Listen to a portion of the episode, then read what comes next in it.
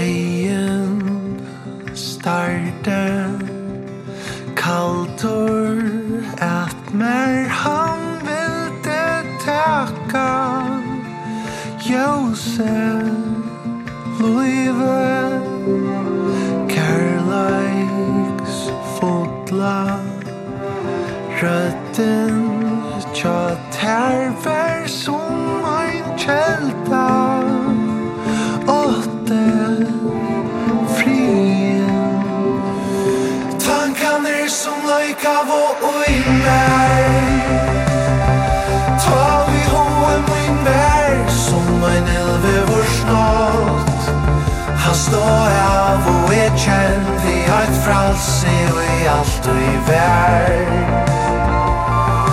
Lunchen er som bunt og med menyer Ta vi hjärsta mot vär Som ett innelast djur Stock och sunt och råprat Sa er fralse og i alt og i vär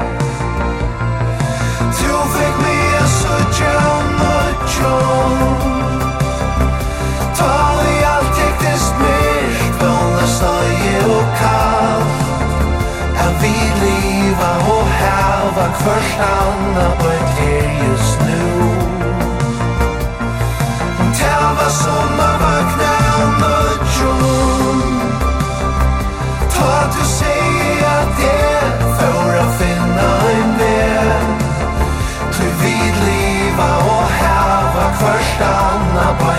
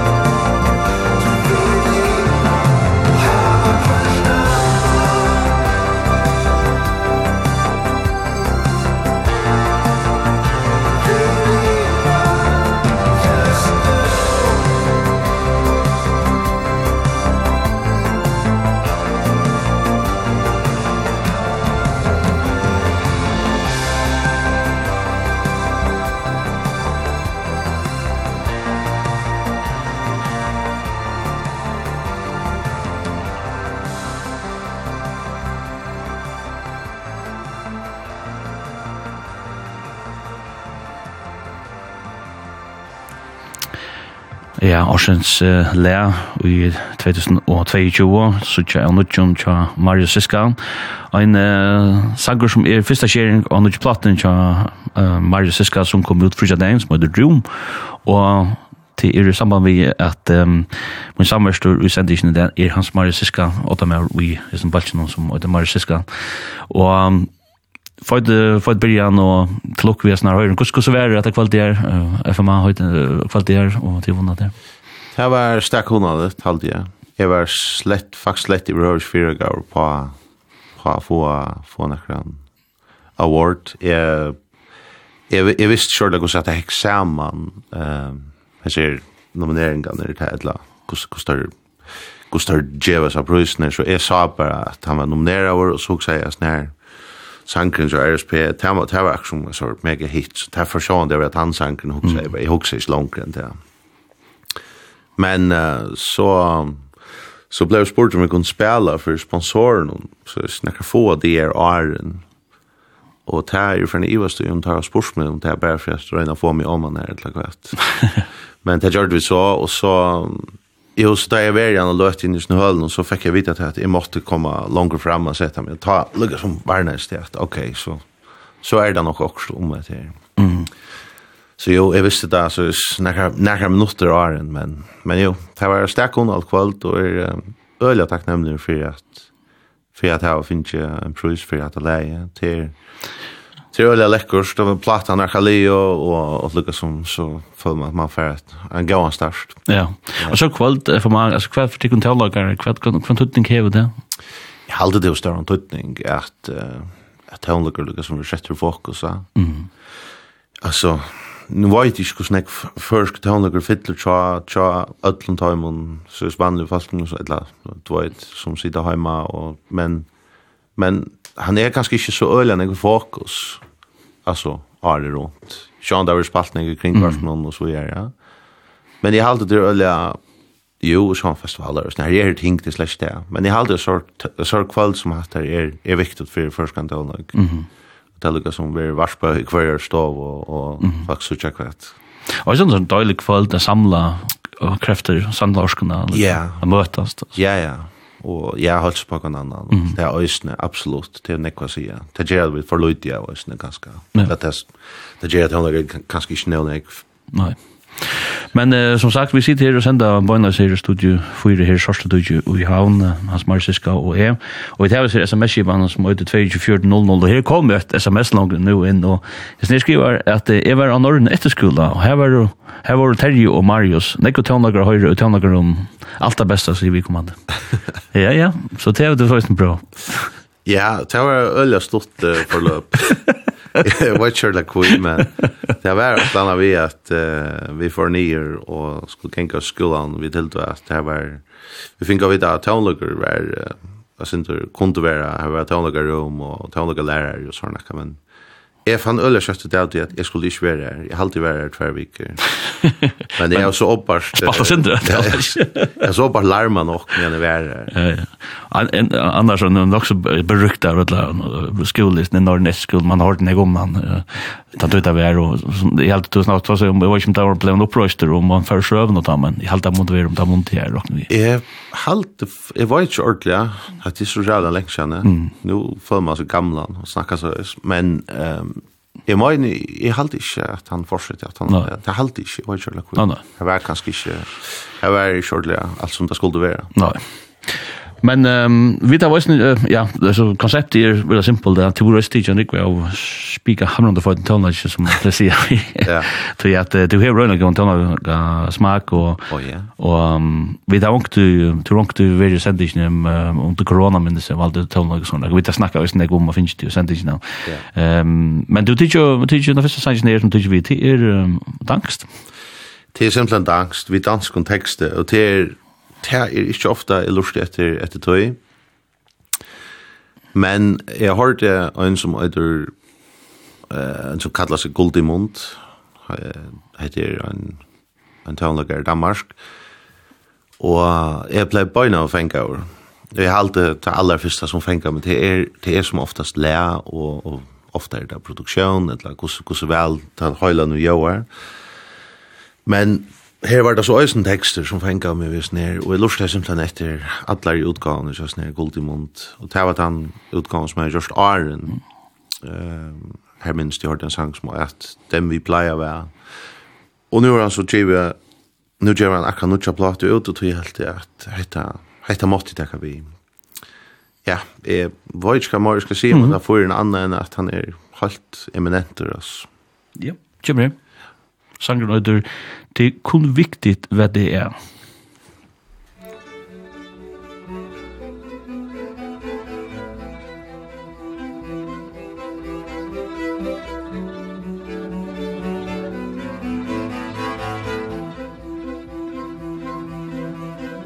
Fuck det, nu vælter solen ned Og fortryller alle støvkrumper min bordplade Det er helt okay at være til. Luften sidrer, når jeg rører ved din overflade. Det er weird at tænke på, du er en anden, så jeg prøver at lade være. Men du er ligeglad med, hvad det ligner, det er kun vigtigt, hvad det er. Ah.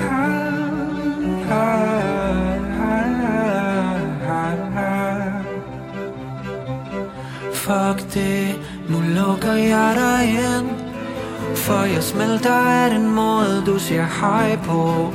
Det er nok til jeg ringer op igen For uden 22 måder du er dig på. Det er weird at tænke på du er en anden Så jeg prøver at lade være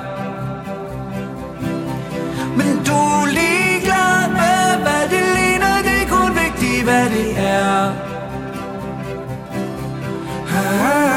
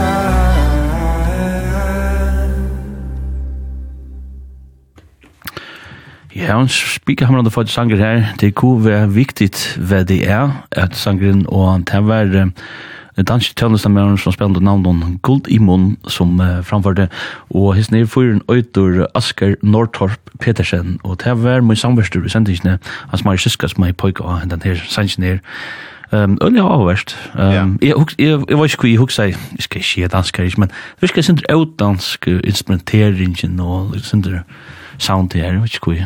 Ja, sound och allt all det där och det alltså att det är ja det strukar som som faktiskt är och layer alltså tar korter om man har om man har om man har flöre för när det är faktiskt då så vi eh producern som gör det där det är han heter uh, Søren Bull säger du. Søren Bull det, han producerar med land Östen Brimheim och oh, ja. forskjellt anna. Öliga öliga dyktig förare.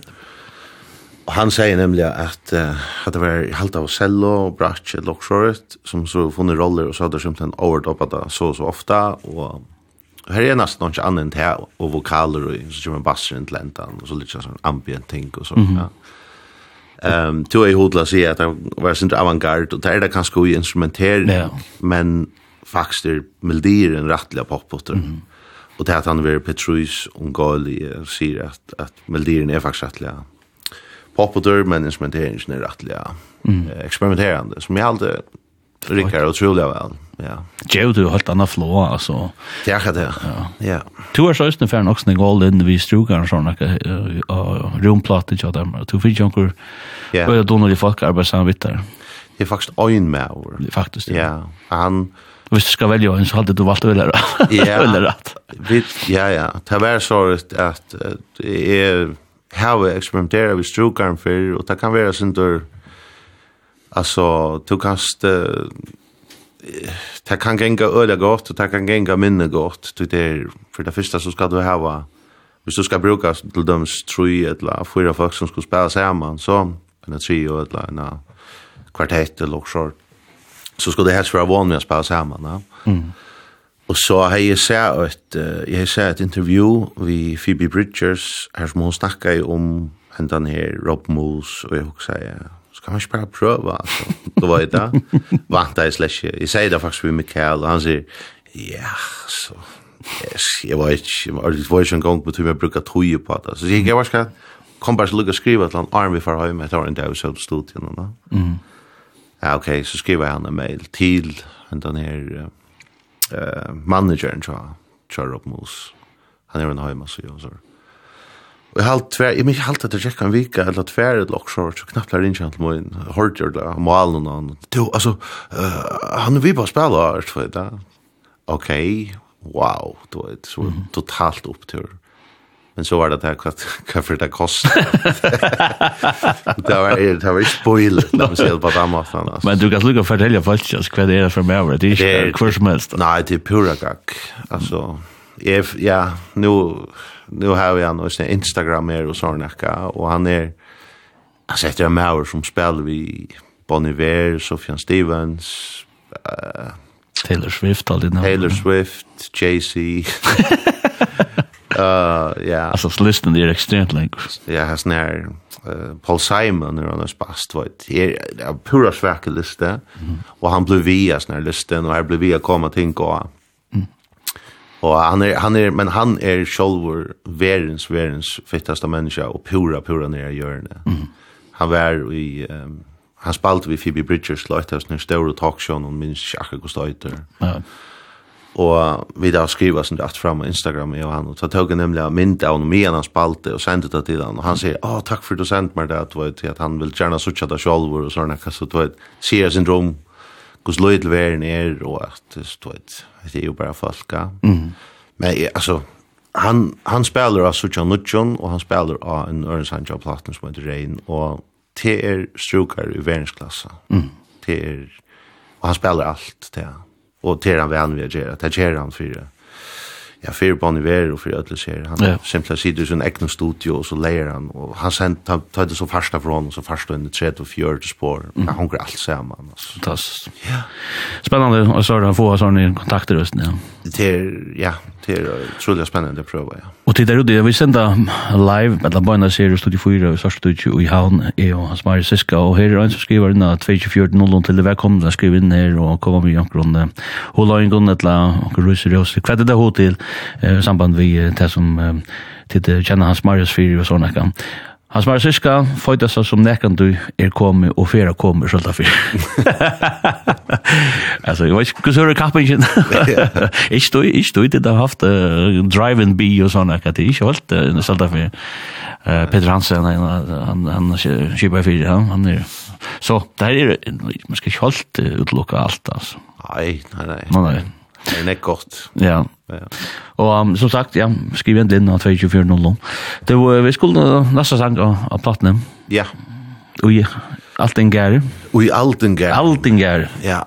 Og ja, jeg vet ikke, skal, jeg vet skal, skal snakke det jeg sier om dette. Altså, det er, det er faktisk, nu nevnte jeg at hitt leie, så kjenner ikke som jeg skriver, og i, i uh, koronatøy, det er hette øysene, Eller platan er nek, nek herfra. Ja, og hetta minnes det faktisk ordelig vel hver og etter tøymon. Um, eh time learn och här med fax var i slapp angave jag var simpelt ansamad laster in i studion och lass og då i gjorde det minst i gjorde det fel som så faktiskt ända av plattorna som var ordlas net och det där gjorde vi luttlon mittlrum men ja ta minst så och ja Skal vi spørre? Ja, det kommer det.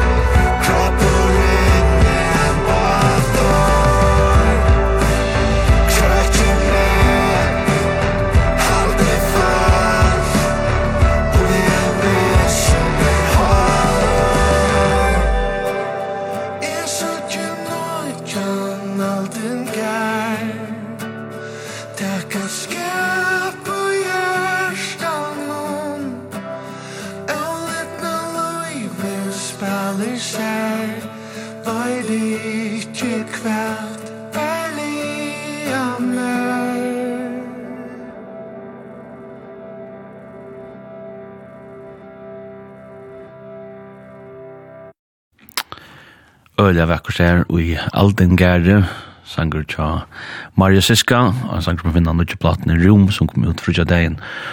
Og um, her hørte vi også en døylig rødna tja Doug Nonskjegv. Yes. Og, og hon er... Hon er ein som uh, mer alt dumt eller vel at torst. Uh, han er jo sånn uh, halt særlig rødt og jeg halte også halt særlig plass for skal tona tona kapatlen som gjør et eller annet som ikke andre ordentlig gjør.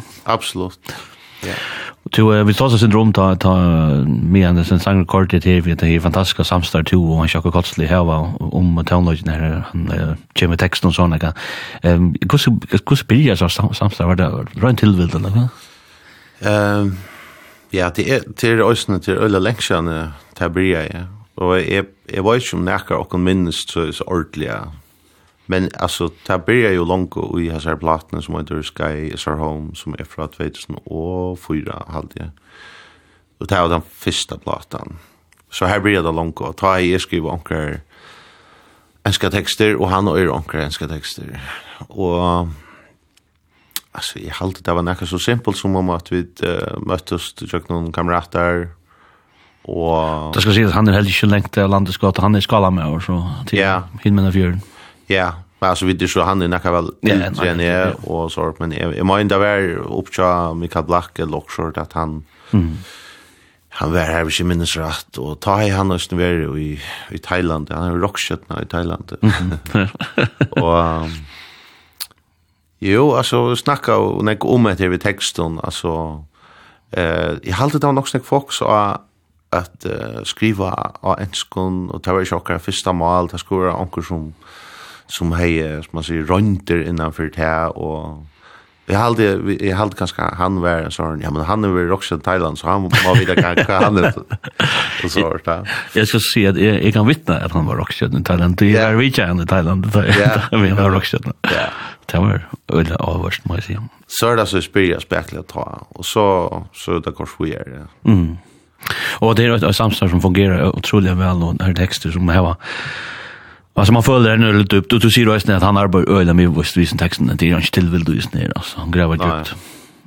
Nej, det är ofta i sån sån renton alltså är det typiskt lö så är nog så on and off i köknen jögn tøyna, så jeg godt inte gjør akkurat i två veckor. så kan jeg gott gjøre ordentligt nekv i en vecka och två veckor. Det är inte så som det bygges så spekler opp. Mm ta jeg så heve noen ting som er ordentlig glad for, og jeg anses ikke rett i at jeg ikke bare sender akkurat alle togene. Jeg skal helst, skal helst møyne da Arne sender at hvis han fer og setter seg nye i omkring, så, så bruker han ikke orsk og bata og sånt. Og det har jeg ofte gjort før, at jeg har sendt akkurat som, ja, jeg har alltid til ordentlig godt, så jeg har sendt det, så har han brukt mega noen tog på å skrive tekst, og så så sier jeg, hva skal jeg ta om kjøtt og leie lukka? Det kommer ofta fyrir, altså. Um, Stærre enn hans sin retter, men altså, typisk kommer det opp på 20 lø, armet av en plato, et eller annet mm. og platen er bare åtta lø, tjokken, så. Um, men ja, altså, ja, typisk så, så brukar han lenge tøy på, sitter vi og sånn, og det det lukkar som hans er vers og, og jeg sitter der og snarere prus på det, og jeg halte det er veldig avhåverst å synja, tar tekstene, du tar, tar veksa, isne, og jeg blir gaur, vi tar mer i spil, og mer i synja, og tar hava en, en egypt som, som ger att det inte blir oensamt. Ja. Så, ja. ja, man får, vad man som lustar, alltså allt det läser en text så kan man viska vilja bant fram och sådana, men mm. det virkar som då att du hörde att, att det är näka som man bor mer ro i och här flör lö och det, det, det är ganska att bara fram bara, man hör på, kan man höra det på imenska mat där ganska. Ja, det er, det här jag ofte er ideen vi ödlun, ödlunis teksten, det är, det er at du skal själv identifisera du inte eller få en känsla på skjort och få din egna så på skjort eller så så. Ja. Ehm nu ska jag på passa för han. Nej nej. Men men hur det görs också det dock short nu ju rasaruin det prata texter så det och komma på god det görs det samband vi. Jo tower samband vi spans ja symfonigaston här. Fantastisk man säger konsert. Ja. Eller konsert till. Ja, det var alltså vi det så realen nok vi att allt spalls väl är Ehm. Alltså jag vet ju inte alltså jag, jag kan inte minnas att jag har varit till konserter förrän här det var så jag vet inte alltså så så gå stämning grast det var en sån upplyftande och rävlig jag vet inte vad man ska kalla det var nästan euforisk stämning i vår i vår ötlen det var trutja konserter alltid spalta men ass ja ja vi spalt trutja konserter. Och jag sitter än vid en såna här känsla att uh, eh wow hade Jack väl och så det är då ett jag flör från hooks om att okej kvärt kvärt Fredrik ordla väl och kvärt Fredrik kan minna väl men jag har en ordla ringt för sitt år och kvärt inte rika så som oftast är det ett land där man förstilla sig att det blir fantastiskt då men så så är det okej att att det kunde vara bättre eller ett land men faktiskt så har vi inte nekvast jag har kört la funnit näka så det fingrarna en Det är synd det är eller du vet det det nesten for godt gott att vara sant eller så så. Men jag har alltid sån samma renning jag jag alltså tunn tonlager passar ju väl in i att universum vi symfoniker som där är schon eh vad säger vatten och olja som man skulle runda blanda samman det det där flätt väl in ut av kvarnören i när sagt och så är det ösne vad synd det sån jobb alltså bad I would chim in så sån små ting som ösn ger en konsert så lite annan konserten ösn upp på imska matar och så så och så bara ge åt det öl öl väl och det var Ja. Vi byrja og øyla tullja at, uh, at snakka om om kvart vi vil og vi er snær, og kvart, kvart det skulle være, kvart det kan tjekke det ut på, og det er alt Røslands Peter i Brekken, mm -hmm. ja, han, han var lukket som han som heier seg, det var hans idé faktisk, mm. det var han som heier visen för vi symfonikas nå, og um, altså, han blir jo som han planer kjennom tve år og åren, Og langt og ta spurt igjen, hvor skal jeg gjøre? Og jeg sier, det har vi kent, og hva gjør meg over Danmark. Og han evgjøren var absolutt han holdt rett. da. Så han med han, han gjør alt for å få det gjøre så godt som han kan. Altså han er, som man sier, en ega bølkalimer, og, og han er selv musker, tøvnløkker i øyne som jeg halte hjelper, og han ser, altså han, han er reellig involverer i, i tøvnløkkjokken.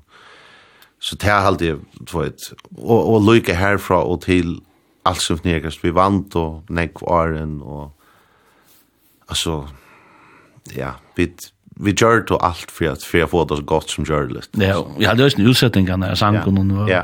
altså det at, altså, at det ikke ble en kamper om oppmerksomhet, men at, ja. at det er vi at... Uh, Her er så reale nek som kan kiksa, mm. altså det er sånn nek folk av paddlene, um, og med landa til at er fyrir til dere har gjort konserter vi, vi, vi balkon, rockbalkon og så, så har dere haft monitorer og scenen, ja.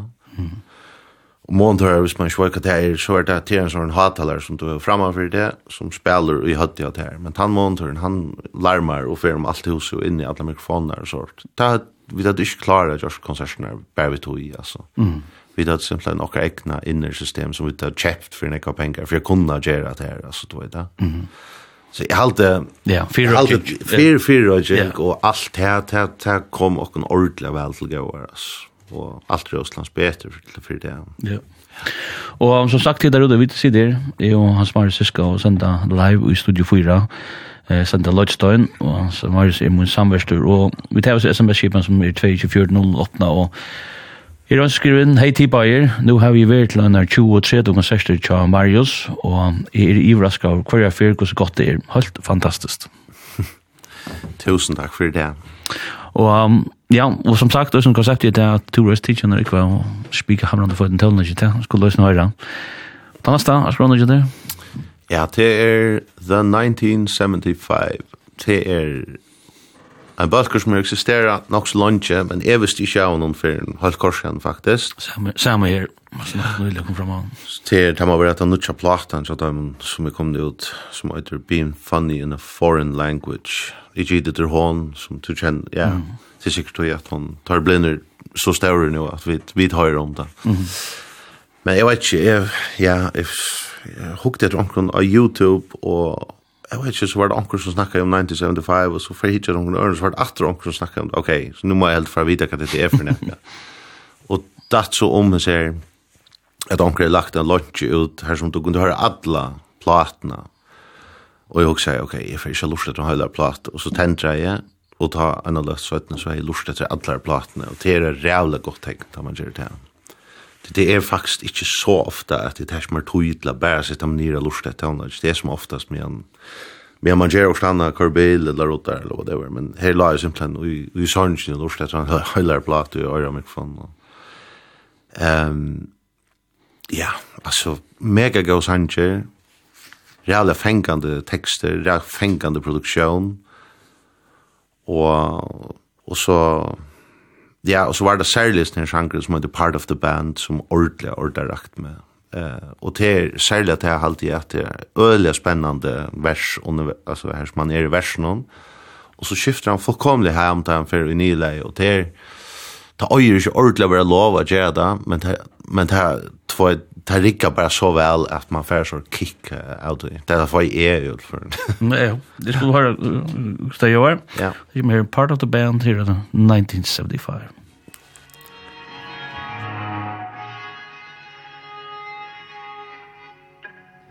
She was part of the Air Force, I was part of the band I always used to burst into my hand. And my, my, my imagination. I was living my best life, living my parents' way before the pain penance and verbal penance And my, my, my cancellation.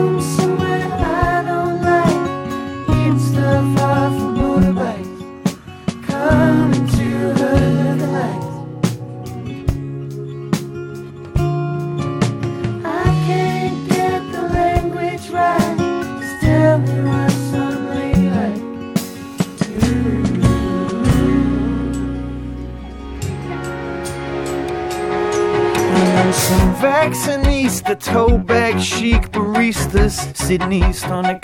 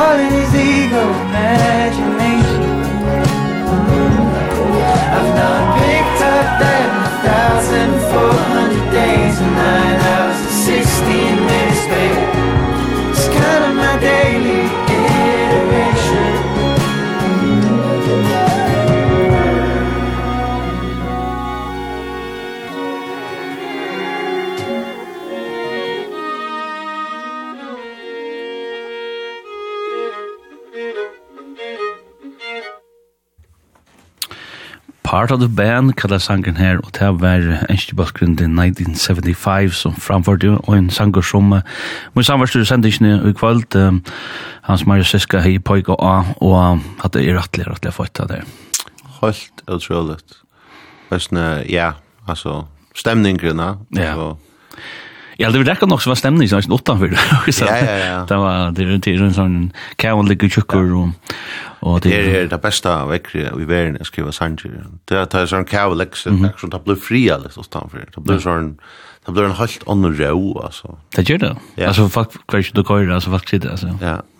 Og sånn, altså, jeg skriver, jeg elsker faktisk å være oppe morgenen og, og byrje bak sånn ut da, og det er sånn her vever, det er øyelig godt for det, man sier man kan hitta ju vinter och så kör sån läckran kava lite som sån doin och där. Det är en det är en stämning i veckan där. 100%. Ja.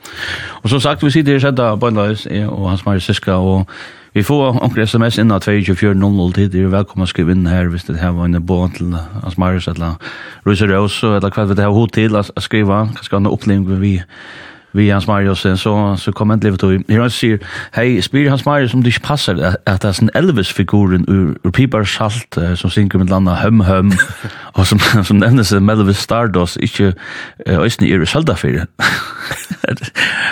Jag hade han säger alltså när han synger den där sanchen så säger han också det var ikke gammalt, vi solgte det også. Det er bare det mest jo. Ja, men så sier det røysten at det var sier han som alt det beste, Marius, vi kjenner sier snir, det var det vi gjør. Vi skal nok halse på det, du vil suttjast alt det beste, keep on rocking. By the way, er ikke en kvinna, men mauer. Alt det beste. Takk for det. Man kallar det man crush, eller hva? Man crush. Man crush, det er Jordan det. Det er Jordan det. Det er Jordan det. Det er Jordan det det går sin sötten in i salta för runda vi vi kom fra. Bro man. Så eh vi det sitter där och og spelar tonlik og tærna høvs orsøkin her att vi spelar tonlik och inte platen inte där rum som kommer ut frysja dagen og Og um, vi kom til en sang som du sendte til meg, og jeg vet ikke om det er den første det sang du sendte til meg fra platene, Ekko Ekokammer. Ja. Han, han, han var en sort, ja, var en nervøs helt, ja. Ja, det her er Det er han som av arbeidsteltene som er demo, i demoform at rockeren. og ja, det er det som sier Johanne, man fer tjøkna så så gjør man et frihet le, så gjør man et opptempo le, så heter heter det at man opptempo løvnen. Og Jo, faktisk, det, nu minnes det, og det kom akkurat til meg, nu, at vi stod og vant og til et landa.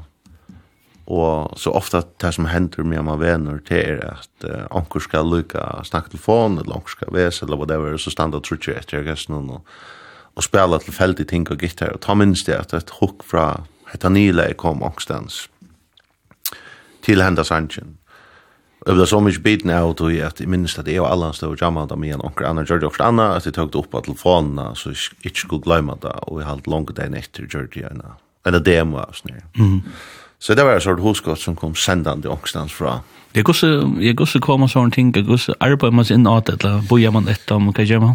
Vad görs du? Jeg, altså jeg tykker ikke på at man skal sette seg ned og boja inntil ting, komma alltså jag har det gott att ha naturliga pauser because man kan helt skita ut i åtta alltså och bara bli kvant där så där Det var det nekro professional ösen säga men um, det där så sagt så hade absolut helt ut att bara chamber så själv alltså det kommer ju ut och sitter och strömmar och ett instrument eller ett landa och så hör du ting som du damar och och två ett kort här samman och och skapa några broschyrer och eh så det är nek nek vad spela så idéerna framma. Mm.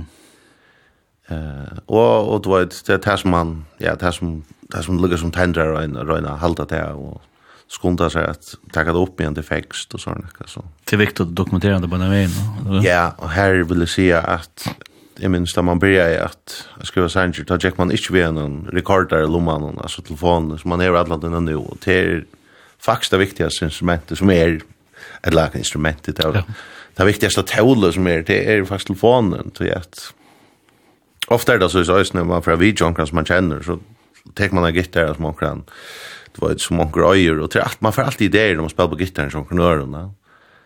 Och är det det gör man. Det gör man alltid. Det är bara så. Är det en jo eller vad? Det är det där kan vi att man tröttas lite hur man sitter hemma vid själva. Det känner flöre som säger det. Mhm kvar efter for så där så finner vi också något. Hvor det bort om gittaren, så ja, det händer ordentlig ofta. Mm. Och ta alltså är ju er ordentlig till allt det bara ta telefonen upp, bara ta det upp till så kan jag östen för vi är et eller så løs, ja. Altså, hvis jeg hittir noe telefonen är så är en så jävla jävla enn jeg hosgått. Og da nærkant du blir brukt til nærkant, det var ju ikke, men her er... Ok, nu kan jeg skrive, ja, ok, här är og 400 idéer eller noe sånt. Nei, nei, det passer. Just a play? 200 og noe fjørt. Ja. Jeg tar ikke. Det er bra, bra. Vi tar galt.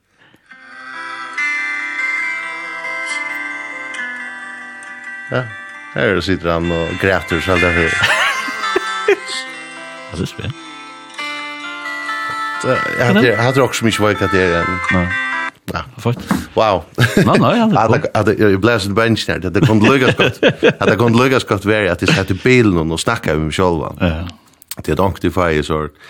Eh Jens Sang som kör i som tempo någon och så sitter ju Jerry Trumio och munnen, och så det är nog slows lite men Ja, nej. Det är ju som första processen så. Ja, ja. Det är ja. Och här är en sang som kom på sjuren och jam att det så du... Yes. Närmast. Benny Graham. Ja, eller ideen kom herfra, ja. og så bygde vi på det. Det er ekokammer i Øydran, og ja. Hva er det? Yes.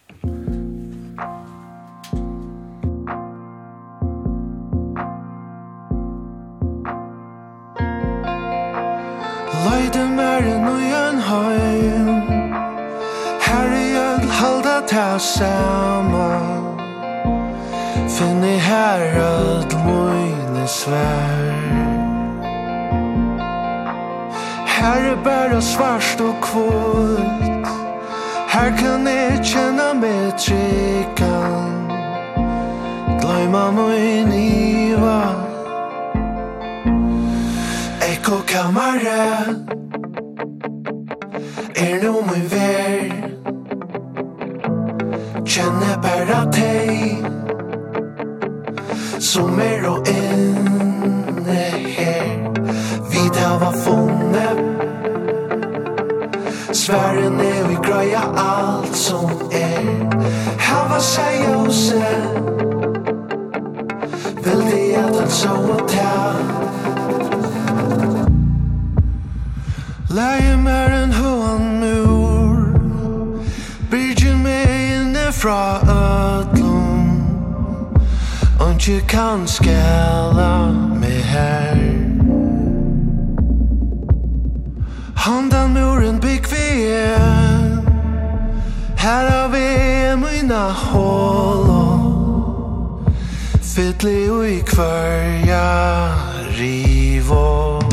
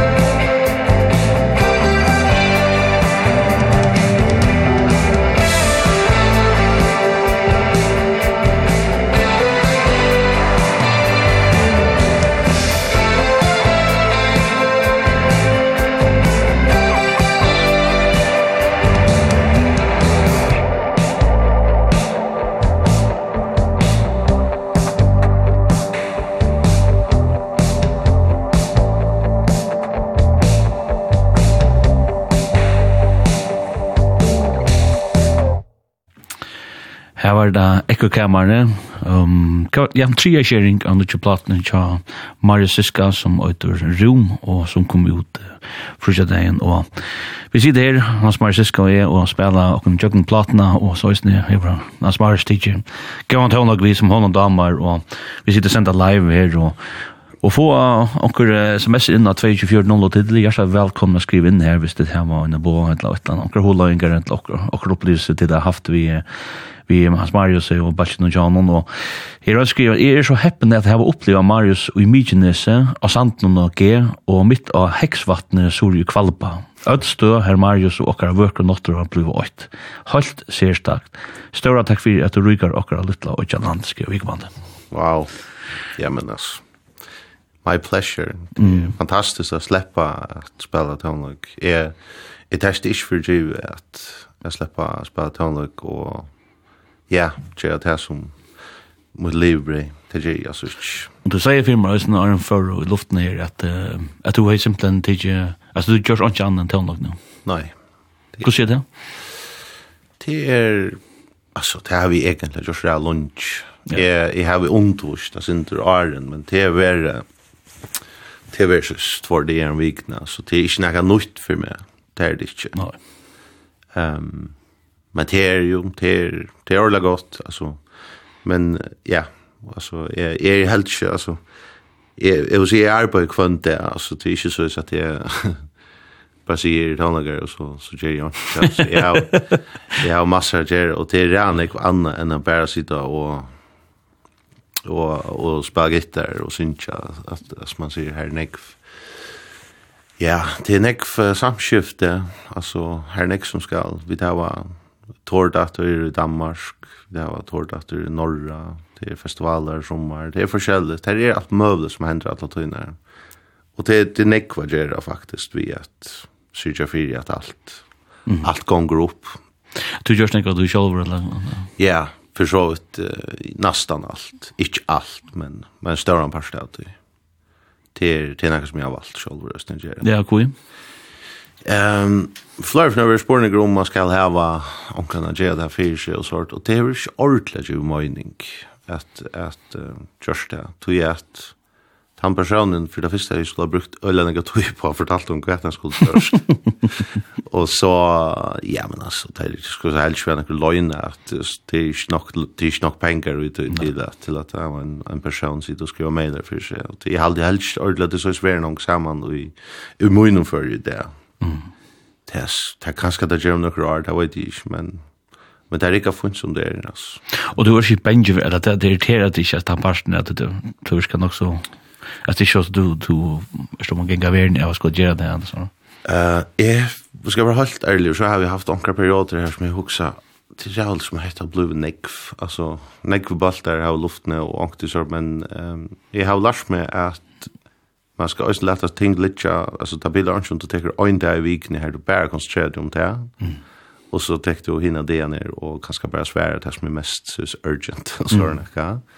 Så det är det er røyne jeg gjør För att det tror tror att hvis man ska skriva til honom och för eksempel det så kan det vara nok så ringt att vara alltså og, och och hoppa til at være vara og være vara praktiska alla tojiner til det er kvar för att det är gott att man gjør det här så är man man man har dåligt det sen upp Men du rörs jo, du har ju i studio og sånn, Mm -hmm. Du är nog så, kallar man det, jag själv för sjön det var inte för jag ser var några första år men alltså du du du du du klarade showan på något mat.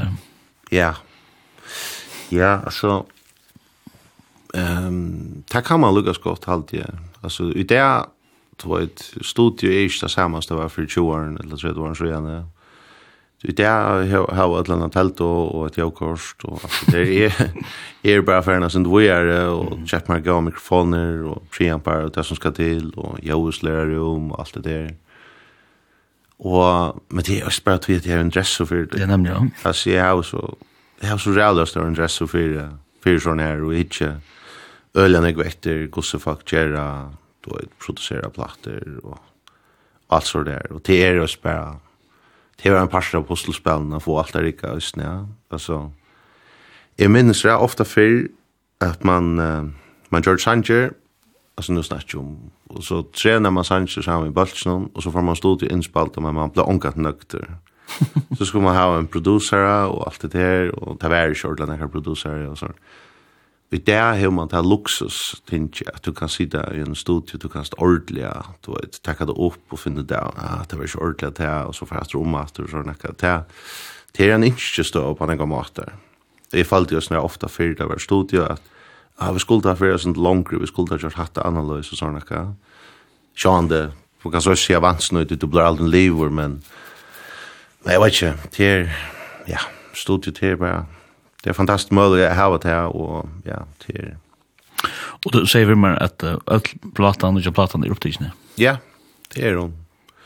Faktisk så, så er alt byrja vi at, uh, som til dømes nesten er sjankren, som vi akkurat har lurt etter, han er byrja vi at jeg har gjort en demo av noen, og demoen er faktisk det som vi har nå, altså vi har ikke, vi har ikke kors demoen av vekk, og eh spalt allt innan nutjon För det har faktiskt behilt en ekvat hem ting som är oj och så byggt upp kors väx och kors och det var ett intill intill det så sitter här som det ska. Mm. Ja. Det är hur studio namn eller vad säger du? Alltså jag kallar det hemma, till det är hemma. Ja, alltså det görs det nämligen. Ja. Så det är det är fantastiskt att att ett ett luxus som du säger då. Men ehm som sagt så här då är det Tijan Rick Wild Helmut vi som är spännande som vi då som för att spela och jag själv helt ehm akkurat det här var nog så avvärst vi kände snäcke det att det här namnet och ett ett landa sangen nu det här som det kante och sånt där progressivitet ju jag ska vad det är det för något. Ja. Eh jag känner att det helt ur själva men jag har det där jeg, hette er akkurat som er, jo, jeg var ikke at jeg har hørt det der, til tog at jeg er større fjepper av Bon Iver, og jeg var ikke hesten hit jeg opp for Bon Iver, og tog jeg ser navnet John Oxtanes, D. John, og så er jeg ferdig innan Kanada, og datt point om å hente sangen, og ble pura, så jeg så, wow, slin om kodl av, ja, av, av, som du sier, her er kantor, og her er, er Oxman Kjorsberg, og sånn, ekka, og minns det at vi, vi sendte alle sin der middel nok, og jeg og jeg og Jan Rune alltid det var, han spalte romer som er. Og jeg er bare dyrka av det. Jeg vet annars ikke nek anna om det her, anna enn at det er en sånn, en fruske fyrir. Ja, skulle bare høre det her, og sangen etter Many Times, og man kommer hjem. There you go again, head low, putting on a show again. It's the holidays, how come it always ends this way? can't take that pressure off. You just to put it on me. Talking to your friends on the phone. Airing our dirty laundry Strawberry, raspberry, candlelight, satellite, television, x-ray vision. What's it gonna take for you to listen? Well, you can change your mind now But you can't change your decision. You can change your mind now But you can't change your decision. Cause I I don't really wanna talk about it. times you hurt me so much. Many times you hurt me so much. Mm. There you go again, putting on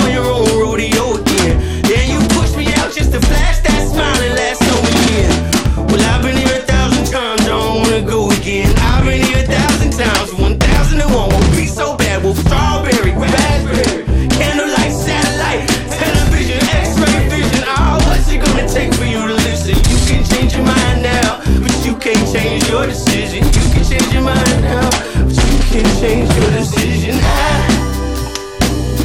I don't really want to talk about it. So many times you hurt me so much. So many times you hurt me so much. I, I don't really want to talk about it. Many times you hurt me so much.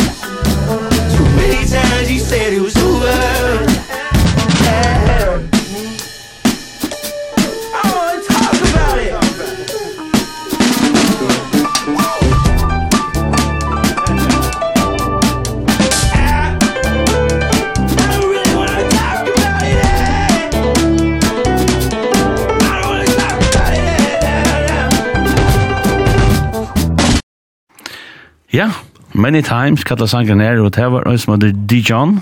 Ja. Eh, som framførte en um, tønde som er, som er på nødt for mer, og også for hans Marius Siska, som er samverste, men hans Marius Siska hørste han i samband med en konsert, for han oppe, hittet opp for Bon Iver. Yes. Og um, det er nok så fett der, og alt mød blant i øynene, nok så sort peppa. Du har det også spesielt der, synes jeg, der, han er klaver her. Liksom. Ja, her, altså, det er en liten strofa som, som ja, mine er helt bevisst, uh, strollen förståttlagar från Bruce Hornsby. Mhm. Dilun, dilun, dilun. Och jag var ju då snä att att Bon Iver och Bruce Hornsby eh synja samman och allt möjligt så hade jag synder hade jag nog bara förståttlagar eller så. Ja. Här är ett land här som rensar man där. Mhm. Mm ehm um, uh, Asmarius, uh, Och som och som lugga som jag vet man kan det irritera mig men jag undrar så synd du att det är vi namn och det de flesta kallar det kallar bara bara för Mario så. Ja. Det kallar bara det för Mario så istället ja. Gör det där. Jo. Ja. Hans smart slow whatever. Ja, whatever. Men men men kui är det blivit en Mario Siska nu. Det tror jag att ehm jag förstår så blott som att Marius och det var det var Iron Spot för det var faktiskt köpt flöver Så, vi var till då. ja, ja. Så kom uh, den nästa plattan. Och hon täver, jag vet inte om det var, jag minns inte vad det var, kan jag, men um, ta, ta var det, blev ju öliga vanligt att bruka Spotify och ett streamingtjänster.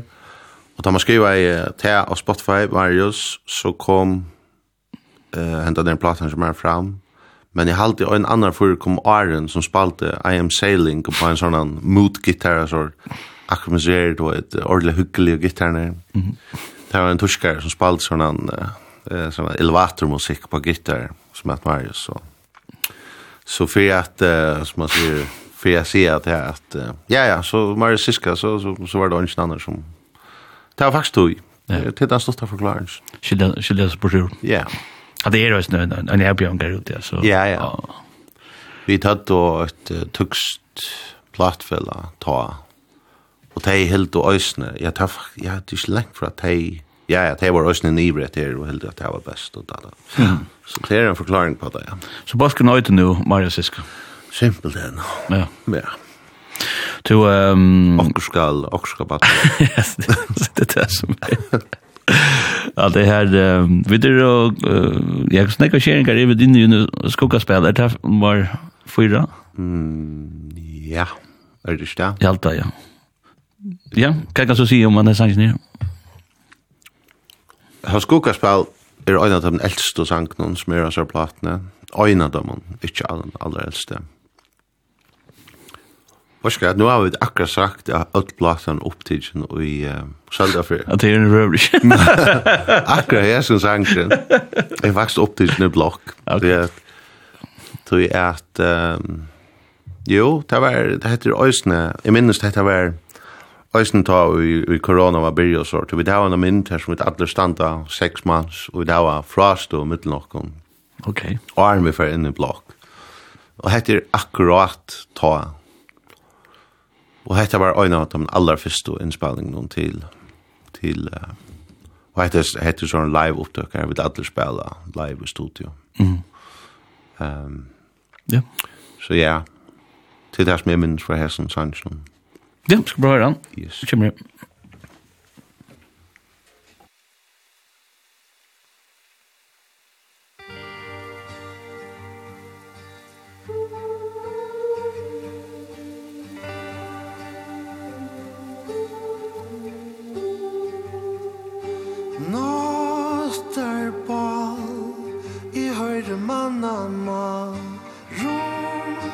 har Tåsa svart. Blaktar her Oppi av veggen om Heimoren Lai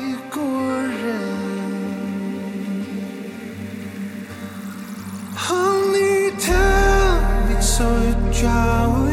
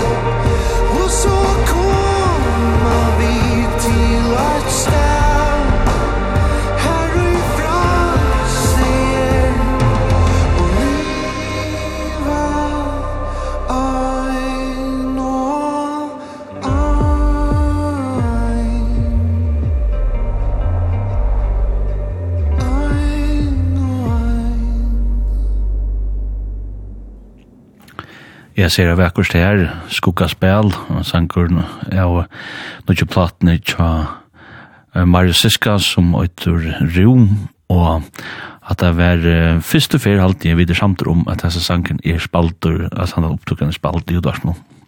Ja. Hon, hon, hon, jag sa att det var sån klassoler då att hon skulle på etter da, platen kom ut. Ja, ja. Og det var kurs där vi spalta det lei i sendingen og i luftene. Mm. Det var sånn live opptøkka. Uh, men ja, det skal passa til første ferie, ja. At den her opptøkken er, er platen, ja. Mm -hmm. Til, uh, altså, hvordan, hvordan, hvordan ser, bara sen sagt också att det är syndrom men alltså eh att vad det är skronna men men det så tar jag till att det är Nico skronna inte där. För för Ja. Ja ja, vet alltså det händer Det har hendt nok sånn jeg kvalitet, ja. Det er ikke så at jeg, at jeg har så rævlig nok, men det er, det er noen viktige ting for fremman, ja. Um, det har omkring konserter i Danmark i mai, og så har vi 18 konserter i Danmark i september, og nu henda onkur spennande ting i norra øsne, som ikke er kom så reallengt enn, men her, det ser nok spennende ut, og jeg finner ikke nok så har vært nek samskifte vi en, en fyrir her på en til Jøgnum Glenn, som er FMX. Glenn Larsen, no? ja. Um, Och hva jag det å få en, en sån in alltså han kommer ju norra in i farger og hever, hever netvert under i noen der, hever rumpos med og hever arbeid i branschen. Det, det gör man kan lägga på den vägen, no? Ja, det er alltid, ja. I alle fall han var et, altså, han vet hva sier hva han, hva han snakker om, og han, han er jo nekva gauar uh, ideer, kanskje særlig til, til unga bølgar, altså han, man fær sånne mailar at la tøyna fra tøymen og om at uh, minst nu til å søke sport, og minst nu til uh, showcase-festivaler og imest anna. Og ja, så jeg hadde glenner en øyla, Alltså han är en øyla, han förskar øyla diktier, och han är øyla nämmer att, att prata vi, och og ja, ja. det er bare godt å si om han. Ja. Og Victor, som finnes det organiskt mot The Ferris Music Export som kan runner promovera sin dra. Absolut. Jag finns att det tånar få så det hjälp. Jag vet inte vad du kan bruka det till men alltså. Absolut. Nej, alltså man ser nu och snä att uh, vi var i England så star och spelade The Great Escape och nu är det att jag är för Florbalkar mm. med manna The Great Escape och Jeg tykker at um, det blir mer sort konsentrera Og det var det at det færre kanskje en fyra, tror ikke fyra, fem balkar, det var til Spotfestival, en showcasefestival, mm. og til Great Escape, og til alle så forskjellige showcasefestivalen der. Og det har vi jo også gjort, altså i, i den grad jeg og Høgne Lisberg og, og det, det er litt som er en ganske. ja. Men vi har gjort det mer selvstendt, og, og, og ta skal man også minnes til, og ta for man har ansamantler og sted det som Glenn kan til at han kan få fem første bakker å spille Great Escape, og så kan han gjøre et first event til kvöldet, og samla en rikko av pressfolk og alle møstans fra til han, og nekker helt er kontakter, ja. og alt annet nettverk. Så det blir nek mer konsentrere, og det blir, ja, ja, det är det är utrolig viktig att att han är där och att att det för mig ser till till så 100 säkert. Visst hvis det er det man vill att man vill ha først kan ta något gott i ja. Mm. Hvordan er det, hvordan opplever du da nu ja, nu er alt det med korona, men hvordan er det å ut og spela, anker ta som at det kanske blir være sin trobult, altså det är nesten en kø eller så, sånn at han har korona, liksom, uh, før sin nær sagt. Ja, Eh, yes, det det är inte vara till anka att komma upp av de som färna som det var åren. Det är det faktiskt inte för mycket vi kommer Men jag har så spalt rujtligt alluga. Mm. Alltså, jag föll inte som om jag har lia, det lät så in i ånskjörst. Um, men, um, jo, alltså, det, det är kanske kört att komma här som det var åren, men, men, men det alluga allar det kommer väl, väl igång det efter allt. Ja, hur är det till vi kommer ut som tillnöjt, alltså, du är en som har gjort nog sån ägg vitt där, alltså, du kommer sen till vi är en, en bär förrjär. Er det, er det, er det trobult, eller hva er det? det er det absolutt. Altså, det er, altså, alle tar dømmene videre og sitter jo kors og i, i Tyskland og fresa satt og fram og sorter er er, uh, så spalt utrolig nekka konserter og kors rælig nekka kilometer og sånn nekka um, og det er det er hardt altså det er, det er ikke nekka som som gjør nekka penger eller nekka så der på en av veien. Um, så ja, men alltså jag var inte lugga alltså det är lugga som tar tar, ta gånger och tar gånger speklet men men väl och mm. ehm man är man man kör det nå och jag har alltid själv det alltså. Jag har alltid själv det gånger helt okej. Ja. Ja. Så att vi är och och du som du säger att du du spelar också någon nere sånt. Du du du du kan ska spela någon konsert nere. Ja, det har vi så väl så mycket helt gör att det kan Ehm det har vi gjort nu några år. Här har vi haft den där danska bokaren som heter Roar. Och han, uh, vi där som helt fast i snär i någons lunch att vi skulle spela ner Och, och faktiskt har haft ett växande publikum. Och Jeg var ikke hvordan hur lunch vi da var vær søst, nok lunta så tver, tvær trutja for nærm år den og spalt ganska nokka stær mitlen 20-25 konserterna, kan det være sånn, jeg? Ja, jeg vet ikke bitt meg inn at det er her alloy, 15-20 konsert som var ganske eller et eller annet, mm -hmm. men jeg minns kjørt, men lukka mig ikke. Men vi har også haft etter samstarve, og vi har um, har helt fast i tøy, og vi har et synes, publikum her, ja. Man må simpelthen bare fære ut og bør vi arbeid og røyne å komme, altså, ikke det? lekser tre, så kvørst, eller hva? Ja. Arbeid publikum opp, faktisk. Ja, ja og Arndt her var så utrolig enn jeg ved Torsland i Øsne, og han tryen for jeg vet nok arbeid på å takke opp alt Øsne. Mm. Ja. Det er jo, ja. det hender ting hos her. ja, det er det. Det er jo, Nu ser det ser David här vi skulle spela Town Like och Two Teacher som sagt um, Nega Sanji vi är och Og en sang som du tykker vi her til er, en sang som jeg faktisk har spalt det, rettelig fikk du sendte ikke, men da var vel uh, sangen og, og henne balken som faktisk er en, antelnesta med tøvnestammer, til er Bleachers og sangren Chinatown her og i Og jeg får hjelp fra, etter tar det ganske mer hand for hjelp fra Bruce Springsteen. Mm -hmm. Og det er en, en, en også en kjente mer som stender rettenfor det prosjektet. Absolut. Jeg visste ikke av at du har spalt denne sjans for, for jeg atler faktisk ordentlig av vise det her. Du slår ordentlig av vise det her hva det er funnet her. Ja, men det er vi på det. Ja, men ja, nei, det var, det er Jack Antonoff som er sanger i Bleachers. Han Det var også et navn som bare ble vi å poppe opp alle stedes, og han er med landet just okkur sammen vi tar imen The 1975, så vi tar då Arjen. Og så har han produseret Taylor Swift, og jeg vet ikke hva, alt med limmel gjør. Og, og så ble han vi å med henne, så hukte jeg et forskjellig intervjuen vi enda nere Jack Antonoff, som er en framjordprodusere og, og alt det der. Og da ble han vi å om Bleachers, og så får jeg lort litt og så at, at han og Bruce Springsteen hade ett samstarv här. Tar bara från New Jersey, mm. ja, och Och sen är Jack Anton har så öle tillknutet till till New Jersey. Mm. Snackar om det till Mölle Sankon och så så. Och bara han är otroligt avhåvert personer och ja, gåvor alltså. Ja, fight mega fight. Ja. Vi ska prøve den her, 16 her som heter Chinatown, og her fer han Hjalp fra Onkenøren og Bruce Springsteen.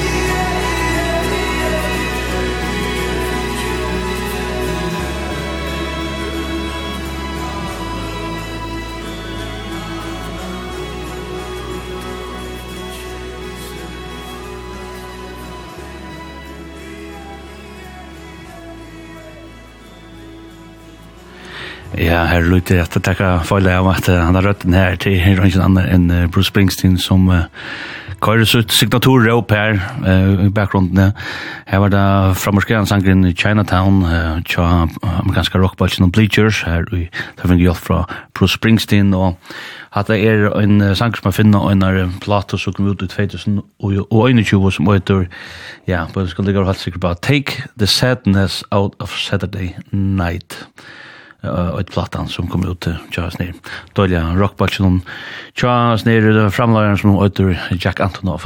Yes, Jack Antonoff. Du tog seg nämligen om oss når du tar arm för luft ner så att du brukar nog snakke tog på oss att hitja att han lort etter kan noen gjøre at hos man framlager og hvordan man kan få det. Ta Tående känner jag. Alltså YouTube blir en sort av sted här man. Ja, här er det. Man kan være til å ut til lort Ja, altså Som til døms da jeg har det, ser platene fra The 1975, va? Mm. Så lortet jeg først etter toneløsene, og lortet jeg bare etter platene. Så han som inte, wow, hva det er det her, platene jeg er simpelthen så veldig, og så er det alt sånne supergå producer, eller hva, som måtte fære inn og gjøre background check, og tar det ofte bare hitje etter en intervju, for eksempel, da. Mm.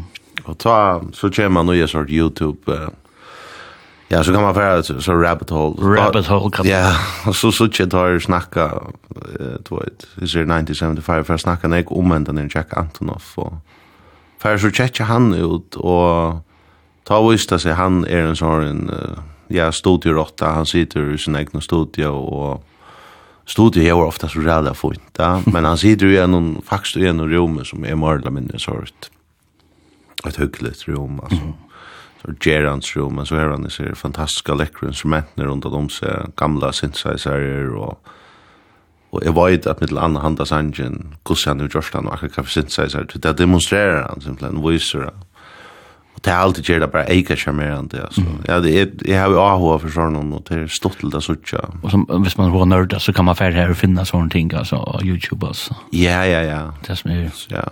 Jeg får bort å slette det.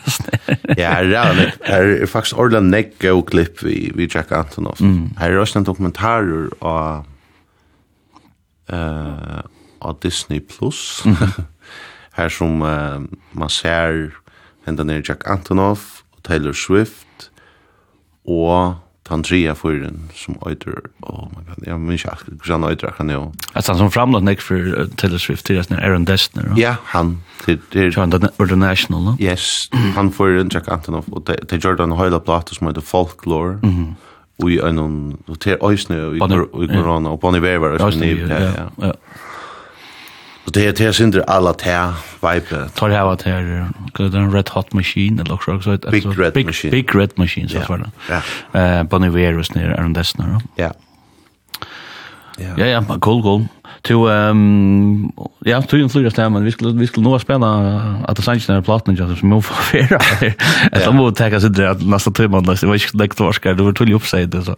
Men vi det kom till ja gå åt det. Så där vi vi vi tar gång på det vi skulle jökna på plattan så mycket vet ehm fallen till jära till alltså det var väl under den första som kan vara den första sången som kom med plattan sin första singlen. Ja, Fatal jära är egentligen given ut som en en singel. Ja ja. Och Alltså jag minns inte när det var en tvätt till sig nu inte annat lock short. Så det är absolut den äldste sangren av, av platene. Uh, ta i så vi skulle göra en platta så var det synder spårningar om skal han a eller skal han ikke a. Og vi valgte så Karan och vi en nutjon mix her som blev jag blandad och nutchen. Jag kan gänga sån diskussion runt på att man gör en platta. Eh, med känsla. Ja, ølen ikke til. Men øsene nu, da man er blevet uh, ganske sindre eldre og så, så kom det også regning ut på en kalender og så falt. så jeg også med han, så det er jo. ja, det var ikke spennende. Nei, det var alt. Ja, jeg har så snakket lø, og og det var et, ja, fattelig er et glad for det, og helt det rikker jeg vel inn i holdene, og Och så blev det här som mixa annutjon till, till plattorna Så. så det passar bättre in eller? Ja, så det är en sort, ja, så är, ja, det är att tell här läget gjort vi faktiskt samman vi Fred mm eh uh, Roddick, ja. och det är ett av första läget som när han blev inspalt i studion som är sålda för faktiskt. Här var en ägga menn, alltså Mikael Blackvar, Heien, Adler faktiskt, och upptog det här läget i rätt vikskifte. Mm Og så, så er det alltid annars mixa hina platna at 800 i Øslandet. Og ta så fallet lærer kommer liksom vi velja at det skal vi, så, så skal det liksom passa inn i jævmyndene. Mm. Så det leier ikke hvor ikke for nek fra, så å si, jæv, ja. Mm. Men ja, det er det. Er det. Ja, men uh, det kommer jeg.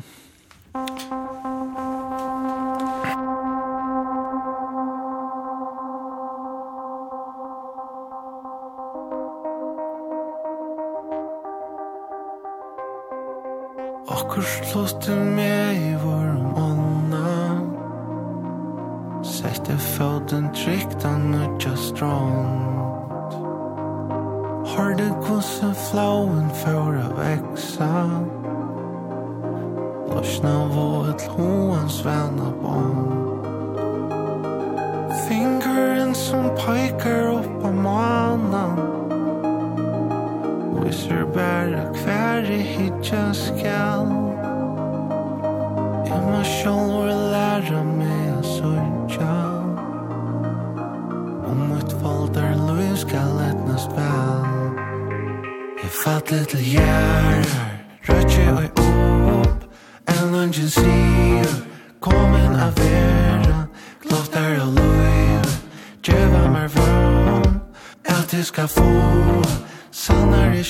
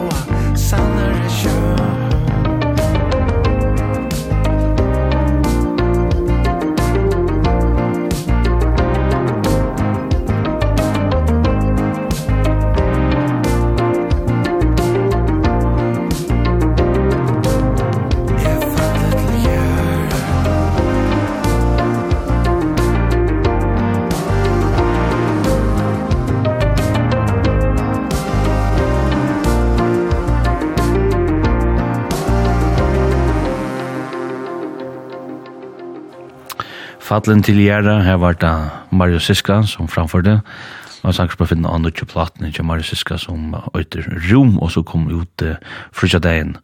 Og med en sanger spalte, så tås av det sin rommet her, vi, uh, hvordan man gjør plater ut i det, altså, tog jeg at, Uh, Nekku brost så jag noe som ja nu kör tog vi ström med sånn såna Og jag förstår ni också om da, da maten altså, jeg minns det alltid vi tås av, det är et år siden vi begynner tås om at, uh, at uh, at du skulle så kom och Jesse Sanders at platan kom ut og hun var for så vidt klar til han armas allt ja. Men det er så tid og tog og några sangen er kjøvende ut så leipande för oss nog som uh, nu gorillas plattan tar blir jag oss nu. Ja vi kör som mer eller annat ja Jeva Jeva Sanchez ut såna kan alltså du låter vara mer snällt då. du kan ju bara göra en rika sanko så gör alla upp en gäng och så hoppa på att uh, fuck shop and down att du måste också nästan korda ut det under tempo ja. Ja absolut.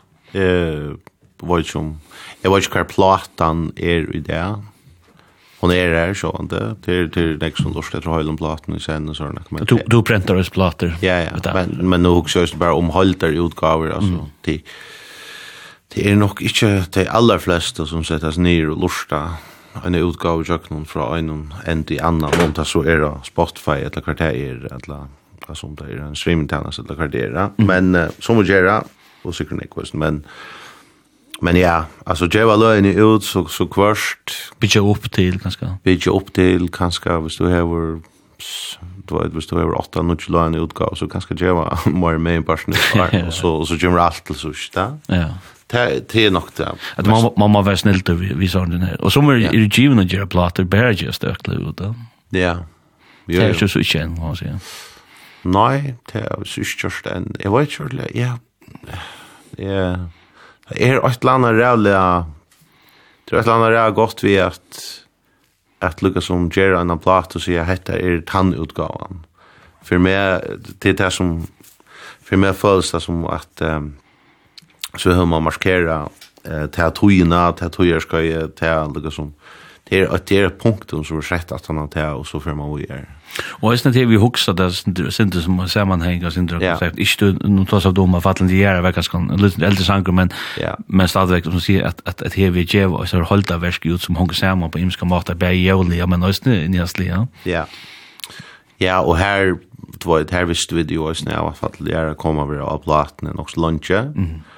Um, og det er sikkert også, at, at han sjakk over tidsje, alltså han huxar han huxar allt det där som ett rum och mm. akka gosse han fär det rummet han vill ju helst att han förklarar men det du tror att han är sitt den en en ordla djupa grundkörning för det men men jo jo det är Ta bluer, ta bluer så det jag hade alla senaste plattorna vid George Howard runt till Hildi och till att slä av en koncept ja. Ja. Så sen pass in in det där. Ja. Men men kus við ta sjón altså the gym kus til lusha telna kus kus lusha du telna ja. Kus lusha telna ja. Jeg lurer det lust jeg er tøyne ikke i øyre på altså, og lust lurer det etter i bilen, og ankt i av forvittne, så må jeg lugge inn og tjekke akkurat og sånn, ikke? Men øyne uh, hvis jeg for eksempel skal altså, hvis jeg skal gjøre akkurat, du vet, akkurat idiotisk som er rotta et akkurat, så er det noe genialer her har i bakgrunden, ja. Og, og karan til sort, så jeg lurer på øyne enn jeg var mat der. Uh, Brukar du Øystein orientere deg hva er oppe i togene, hva for jo, eller hva for uh, streimer er, altså, til han lyst til det, ja? Nei, altså, alt for løyte ganske.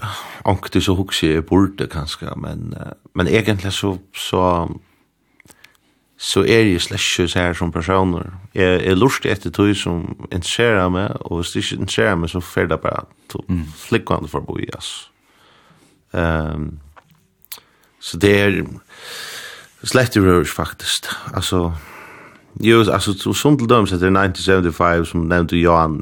Det var det var tog at jeg ble vi ju höra att det atter, altså, i det her har vi disse algoritmer. Mm. og vi snakket ikke om Youtube. altså, jeg sitter ju hitch efter förskälliga studio tours og alt med så der som man ser i i i i sin kanal og Och så så är man på en eller annan mat oj en löron och i en algoritm og, så og tej falsknes. Det tej snackar ganske sin rundt det samme, Mm Så det er sin såles, ja, at det bare henter, da. Det er samme med Spotify, hvis du gjør en playlist, da, så kort en playlist om vi er, så får du anbefala når det var ting, da. Så, jeg vet ikke, jeg er alltid man pjøs, da fyllt jeg vi, internet i årene, da fyrt det. Det vi er blod, det er ikke så, det er sånn robotene, som det er sånn, det er sånn, det er sånn, det er sånn, det er sånn, Vi skal høre en nekke her som er, pura nytt for meg. Altså, heter er R-U-X, eller Rai-X. Rai-X, ja. Hva, hva er det for nekke? Det er omgått med Rai-X. Jeg halte ikke noe. Jeg tar Rai-X har en sang innenfor Orla Lengsjan som heter Berlin, halte jeg. Han sanger var øyelig kjent, og jeg minnes det at uh, Ebla ble gosjer, nok snakk spammar nyer, forskjellige stedene, så han et noen, vi tog sannsjonen. Og så igjen til jeg har vi ångsvegna fyllt fylta sin vi. Um, og vi er inne og lurt etter hon vi kvarst, og vi da er jeg og er i Bølsen, og til snakk om han lurt etter hon. Hva er det fra, vet du? Jeg som fyrer er fra Australia. Møyne er, er rettelig sikker han er fra Australia. Uh, vet ikke rannig om han, men uh, er en sånn indie for nok så low-key. Ja, yeah. og, sånn, ja Og det er særlig akkurat det hekta leie som er dom til så ræle vel, som heter Ja, Ja, Ja.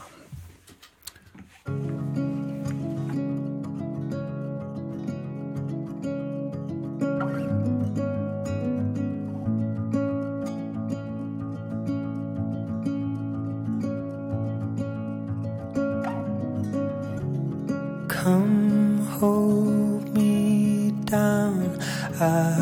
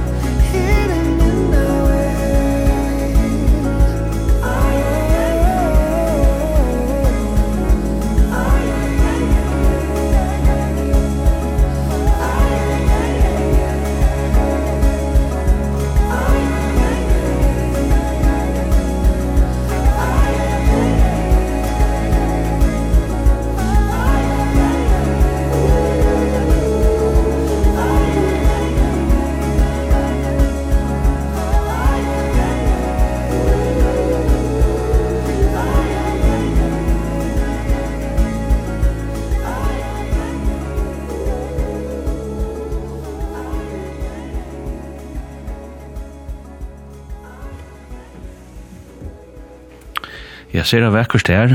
Ja, ja, ja, Hva er sangeren til australska Ryex, en som heter Ryan Cumming, en fyrtid åra gammal over ur, ja, Wood, uh, Fort Island i Australia. Uh, Ja, ja, ja, kjørst det, altså, nå sier du at du har nekk for du, liksom peppa som man her i fyrir der, men ja, kjørst det, jeg kjørst lott noen mannen her. Men lekkur er jo lekkert. Ja, ja, altså, det er det som Det var ikke så at jeg kom til å si at jeg det snær, men det var mer så at jeg datt om det, og jeg halte bestemt at det er sånne sjangren som Øyde Berlin, er kanskje hans er mest kjente sanger, halte jeg, og aller helst det var folk korsene i serien. Og... 2013 kom han ut. Ja, men han var en ølja, det var en nok større sjanger alltid. Mm. Vel, da, tog en flyr det, og vi dette får spalt... Uh, um, den alla sanchen parten där går så hur mal så vi måste helt runna få för att ha för handen ehm rein det andra sanchen som är här och han blev så fromspalter i uh, Leutstein sist vik og ta og i at du fikk forfall til av sugar ja. som sånne gånger i årstidene mm -hmm. så at um, øyne hodtekkende sanger hva er det som synger vi her i Sanchen? Det er Lea Kampmann som synger vi her i Sanchen Detta var en av de första sangen som som vi fick oss ända efter från Rob Moose. Och vi eh, runt och jag og oss en plus som vi behöver göra litt og oss ner. Det var bare så klaver som spalte. Og så var det sån länk, länka pauser i mitten så han fikk ordentlig fria timmar å spille det på ett en ölle åpen sanger. Hva liker du i sin Rain.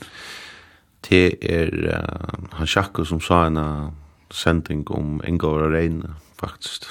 Og for etter etter snir som han snakkar om vi ty eh uh, uh, her mister miskar og her just just just her. Atter her han sjakko han er ekspert til å fortelja om så djup på teksten i sjånen, men det er faktisk det som jeg vet at han er, og for meg er det her, det er lukka som år som han nu skriver, jeg husker ikke om at det er hver han finnes inspirasjoner, men jeg, jeg er dårlig som at få han ekka brosjur som han har skrivet at jeg er sin kjett her. Hva var det Eh, Uh, det er faktisk at det er samme som to først hvis du leser teksten eller så det, så. Vei er ikke grinne, og ferien ut er avkjenta, og ja. Du kan egentlig få det brosjur som du vil, eller så, så. Um, ja. Yeah. Og her skal folk absolutt legge mest til det, tror jeg. Ja, altså, det er den, ja, helt sikkert. Det er, det er, altså, her fikk han, som man sier, jeg har Hetta var tal lei sum eg minnist orða vel ta senda stær so hugsa eg how við nú just ta tíðar aftur out journal so nakka og eh Mikael Black blei við seg med 100% sikkert. Hetta fer hann at att neila eller så løs. Og til är hur så så at det skulle vara morally att ha sendt et land men det var pura point att sendt et land alltså till till ja. Rob Moose och här här där var simpelthen en pauser og i mitten och plåstelstrokar og sånn. Og da vi så fint efter så var det det minns vel da jeg jag fick efter hur så glory var för resultat. Mm. Det er ju mye.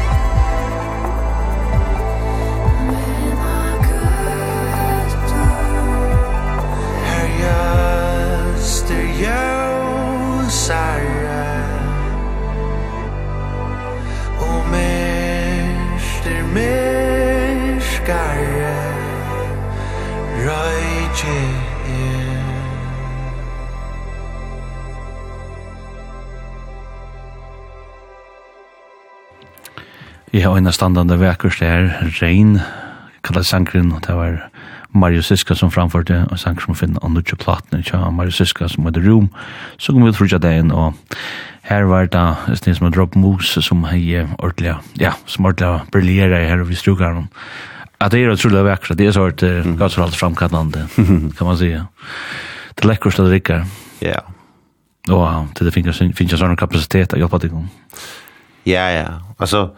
Och så stått det vis när det er oss att han er Joe av alltså vi står lustar efter till nästa Bon Iver-plattorna. Hvis man är Bon Iver-fan så är det att han, han som har öjder, hon har bara Bon Iver. det första plattan som han gjorde, det var Forever, Forever Ago. Mm. Så gjorde han en att han har som öjder bara Bon Iver. Mm. Här brukar han alla möjliga muskar. Och här är Rob Musa. Och jag har lustat, det är inte en platta som jag har lustat mest efter alltså i min löv i allt igen. Det är ju också så öle men det är en en plats som jag lust att öle mig. Det är rakt vi är också heavy plats att det måste vara. Sicker sicker så också det de pratar om gamla dagen man ska sätta det. Och så där men det går en plats som jag lust att mig efter och i nu kör då. Og, og ta, ta legg man ordentlig mest til stemning, stemningene som kommer fra alle forskjellige muskler, og da man var ikke det Og da jeg så fikk han denne her sangen atter lort så er det, ah, jeg kjenner denne stemningen etter fra en av mine alle favorittplatene. Så det er, du vet, det er sånn mega, jeg vet ikke, man føler seg heldig igjen at, at man kan det, at, mm. vet du. Og vi det også at vi skulle helt svære, uh, Færa fra lortaren og kvalt, utan å spela okkur vi på nivå. Nei, Eh och här var det sen så så att man kunde nästan till whatever men det var alltså bara lustade sen till morgon det tog den ner som heter 3 tre god. 33 god. Ja. Yeah.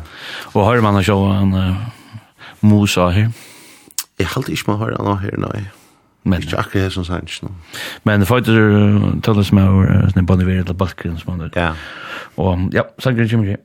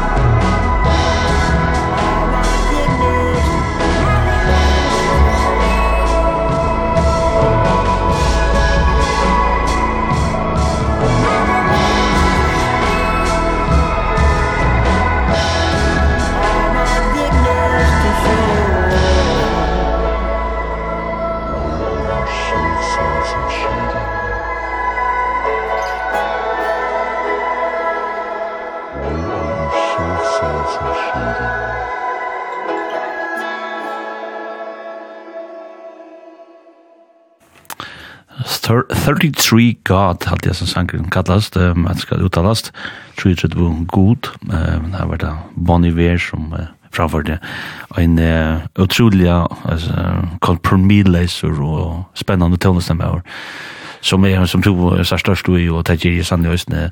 Tog man sent långt tog en en chatter för den där men men jag blev ju jag blev omvänd då en konsert av Northside. Ja. Så sa jag Jose. Det var det var en sån löt där. Det var det tåra pasta Ja, han är ju extrema framförslur alltså jag var en konsert som i Royal Arena. Jag och Annika för och nyer bara konsert. Det var alltså det det ängri inte. Det var en fantastisk störst och gott upplevelse. Alltså John live. Mm. Helt det var då jag känner sig John fucka sen i allt det Atlanta alltså. Ja, det är väl händen jag. Händen jag var ja, bara en tjöknum först alltså. Mm. rävlig, rävlig tjöknum först. Fantastiskt. Mm. Öjla gott. Og han spar oss vid vid skulle lukka som den norska han ner til vi er ferdig liksom i tog, men vi tek av kom tatu inn som skal til for å komme jokken platen og der til at nasa sangeren til kloven. Yes. Hva kan du stå fortelle om han her? Det her er opptempo sangren av platene. Altså, jeg har sånn her la ordla lunge i skuffene og akkurat med en hinne sangren var gjer og sånn. Og jeg, jeg dømte så veldig vel etter leie sjølver og var i bostrom at um, jeg heter skulle ha blatna. var ikke alle som var øyne ved meg, alle tøyne her. Uh, ja, bestemmer du sist enda sjølver, eller? hva? Ja, ja. Sjøl. Annars var det bare kortlivs. nei, nei, men altså, det er, jeg vet ikke hva du skal si om etter annet enn at det er, altså, det er en opptempo lea, som var lunch ger och så att det att det var så som som var blev hängande i orla lunch och det struts nog lunch var knäcka knäcka lugga som få det ordentligt på plats men så där vi så stämt det minst manglar ni läge och så knappt jag kom ni läge och så checkade det ordentligt kött så för det bara plattna och han checkade så skriva en text till detta som är um, som handlar om om uh, Alltså om att det stressar jag samhället som vi lever i och och kvar fyra gånger i tur som jag aldrig rikar väl lola just.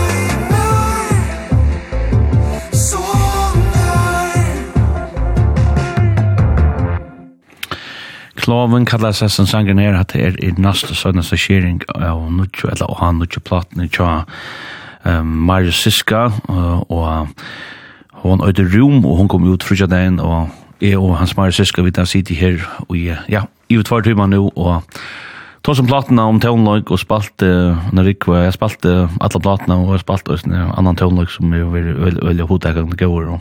Jag hade det var noe hundalig hon låta. Ja, men det er alltid absolutt.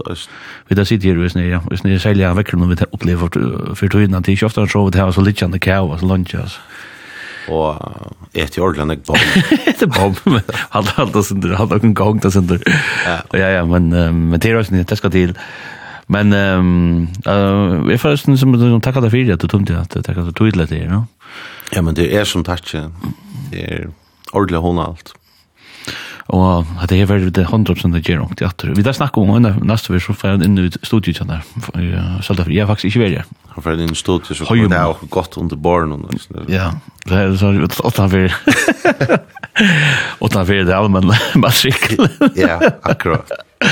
men jeg skiljer av det at vi skal råkne vi at, at, at høyre til nekker nå nesten tog inn at du først sommersesongen, hun blir at her større, at det er større sesongen at du kan tilage. Ja. Ja, det er det. Det er det absolutt. Til da festivaler og sånt. Ja, vi skulle spela G og spela sommerfestivalen noen. Mm -hmm. Østene Voxbot. Og vi spela også til en festival i Sore som er i august, den er fortalt august, jeg minns ikke, Jausfest. Mm -hmm. Ja. Og det er, ja, det er, altså, det er spennende, altså, det hender nok ting ja. om sommer i førre. Ja, så er vi da også nere i mai måned, i år. Du har spavd i forresten av Hotel Cecil um, 16. mai. Så føringar som vi kan nere. Ja. Her er enn nekka billetter etter, men det gonger altså kjøtt. Her er og det var selv 200 billetter som er i Hotel Cecil.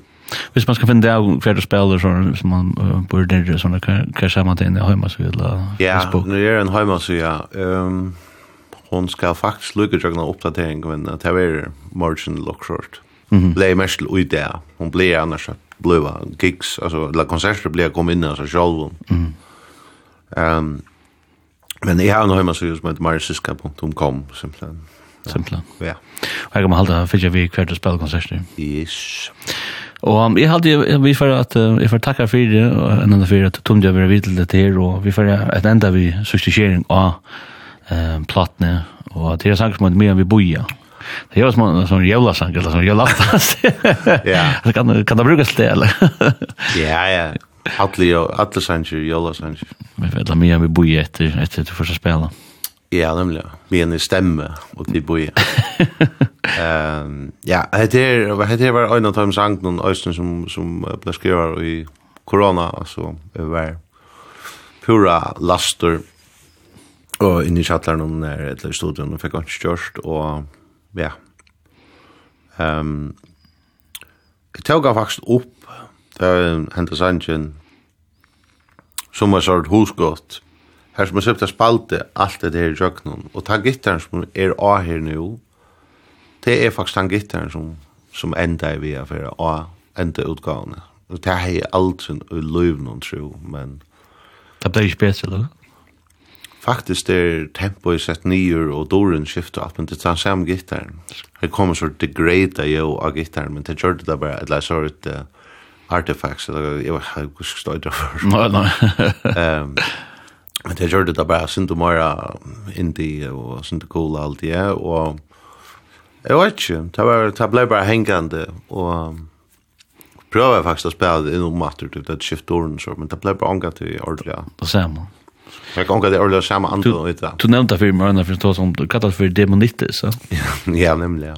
Det var demoner som Ja, det var jag hade var Jens L Thompson som säger det när jag brukte det ordet demonitis så ta farligt att får gå goda demoner. Ja. Det var när vi tog som då Jens när framförslan som var och hojma helt det någon gött och som ja. som häver bara någon nerver som Det passar ja. Faktiskt omgående kom alltså. Nej, det är alltså det är också när vi må vän så vi har ju Sancho på tamma att anna. Mm. Tider och någon onkel onkel sang sang på den airplane så tider det var onkel det måste man inte jobb som säger någon gammal också. Ja. Som där hängan. Jag har den här söv om eh störst hit Adele till nog kvar snär someone like me eller kan ta något där. Someone like you. Ja, ta sangen. Ja. Att i Los Angeles här är man demostudier som uh, ofta en, en skrivare og en, en um, kunstnær fer inn i et rom, og så skriver det en sang. Og inni her hever man bara ta haksene vent, jeg kanskje klaver, tver mikrofoner, kanskje gitar og sånne, så gjør det sanger inni her. Og her er det så Jorsland er sangen, og de fer altså vi er vi som sangen, og størst studio, og alt sier, nei, altså, det er et kjempe hit, og nu skulle jeg bare lukke innspillet ordentligt men det klarar å ånka til jeg får det som nerven og i det etter. Mm Så det här som man upprovnade höjer her på en er fra demostudien, bæg vokaleren og Bojum klaver ble skiftet ut av Stoida. Mm. Og det er så rævlig enn ekva sånne her sjøver, altså. Mm. Tui, man kan så spille kvui skal man spille innom at det er her. Mm. Så, ja, det er, det er nekva sånne sjøver. Mm. Vi får ta oss en för att om det. Hans Marius Iska, en för tusen tack för att du blev vi sände inte om vanligt att fucka ut det här.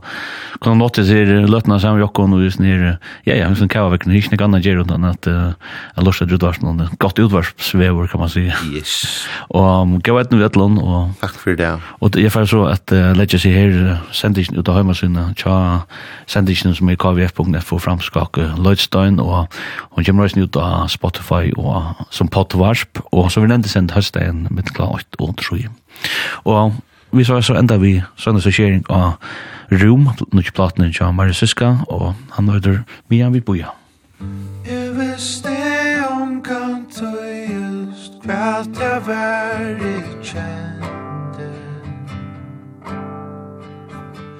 Men det var som om okkur sånn jeg mer var her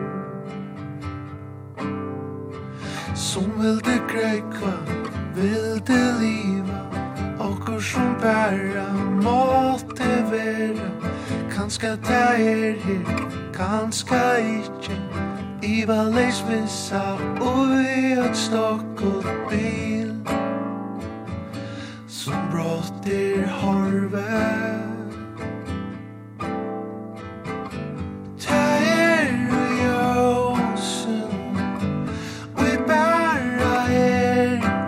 sær sjálv.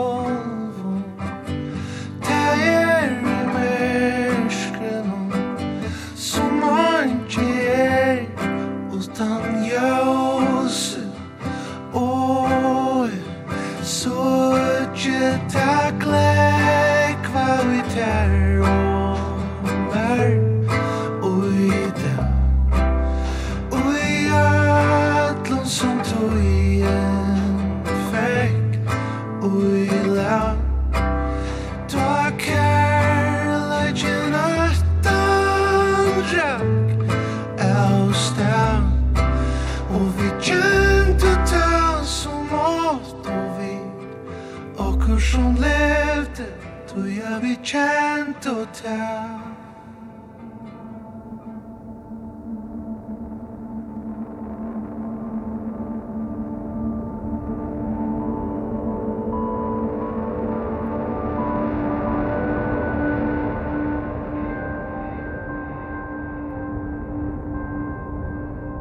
I høyre så føler fra Tar som en lov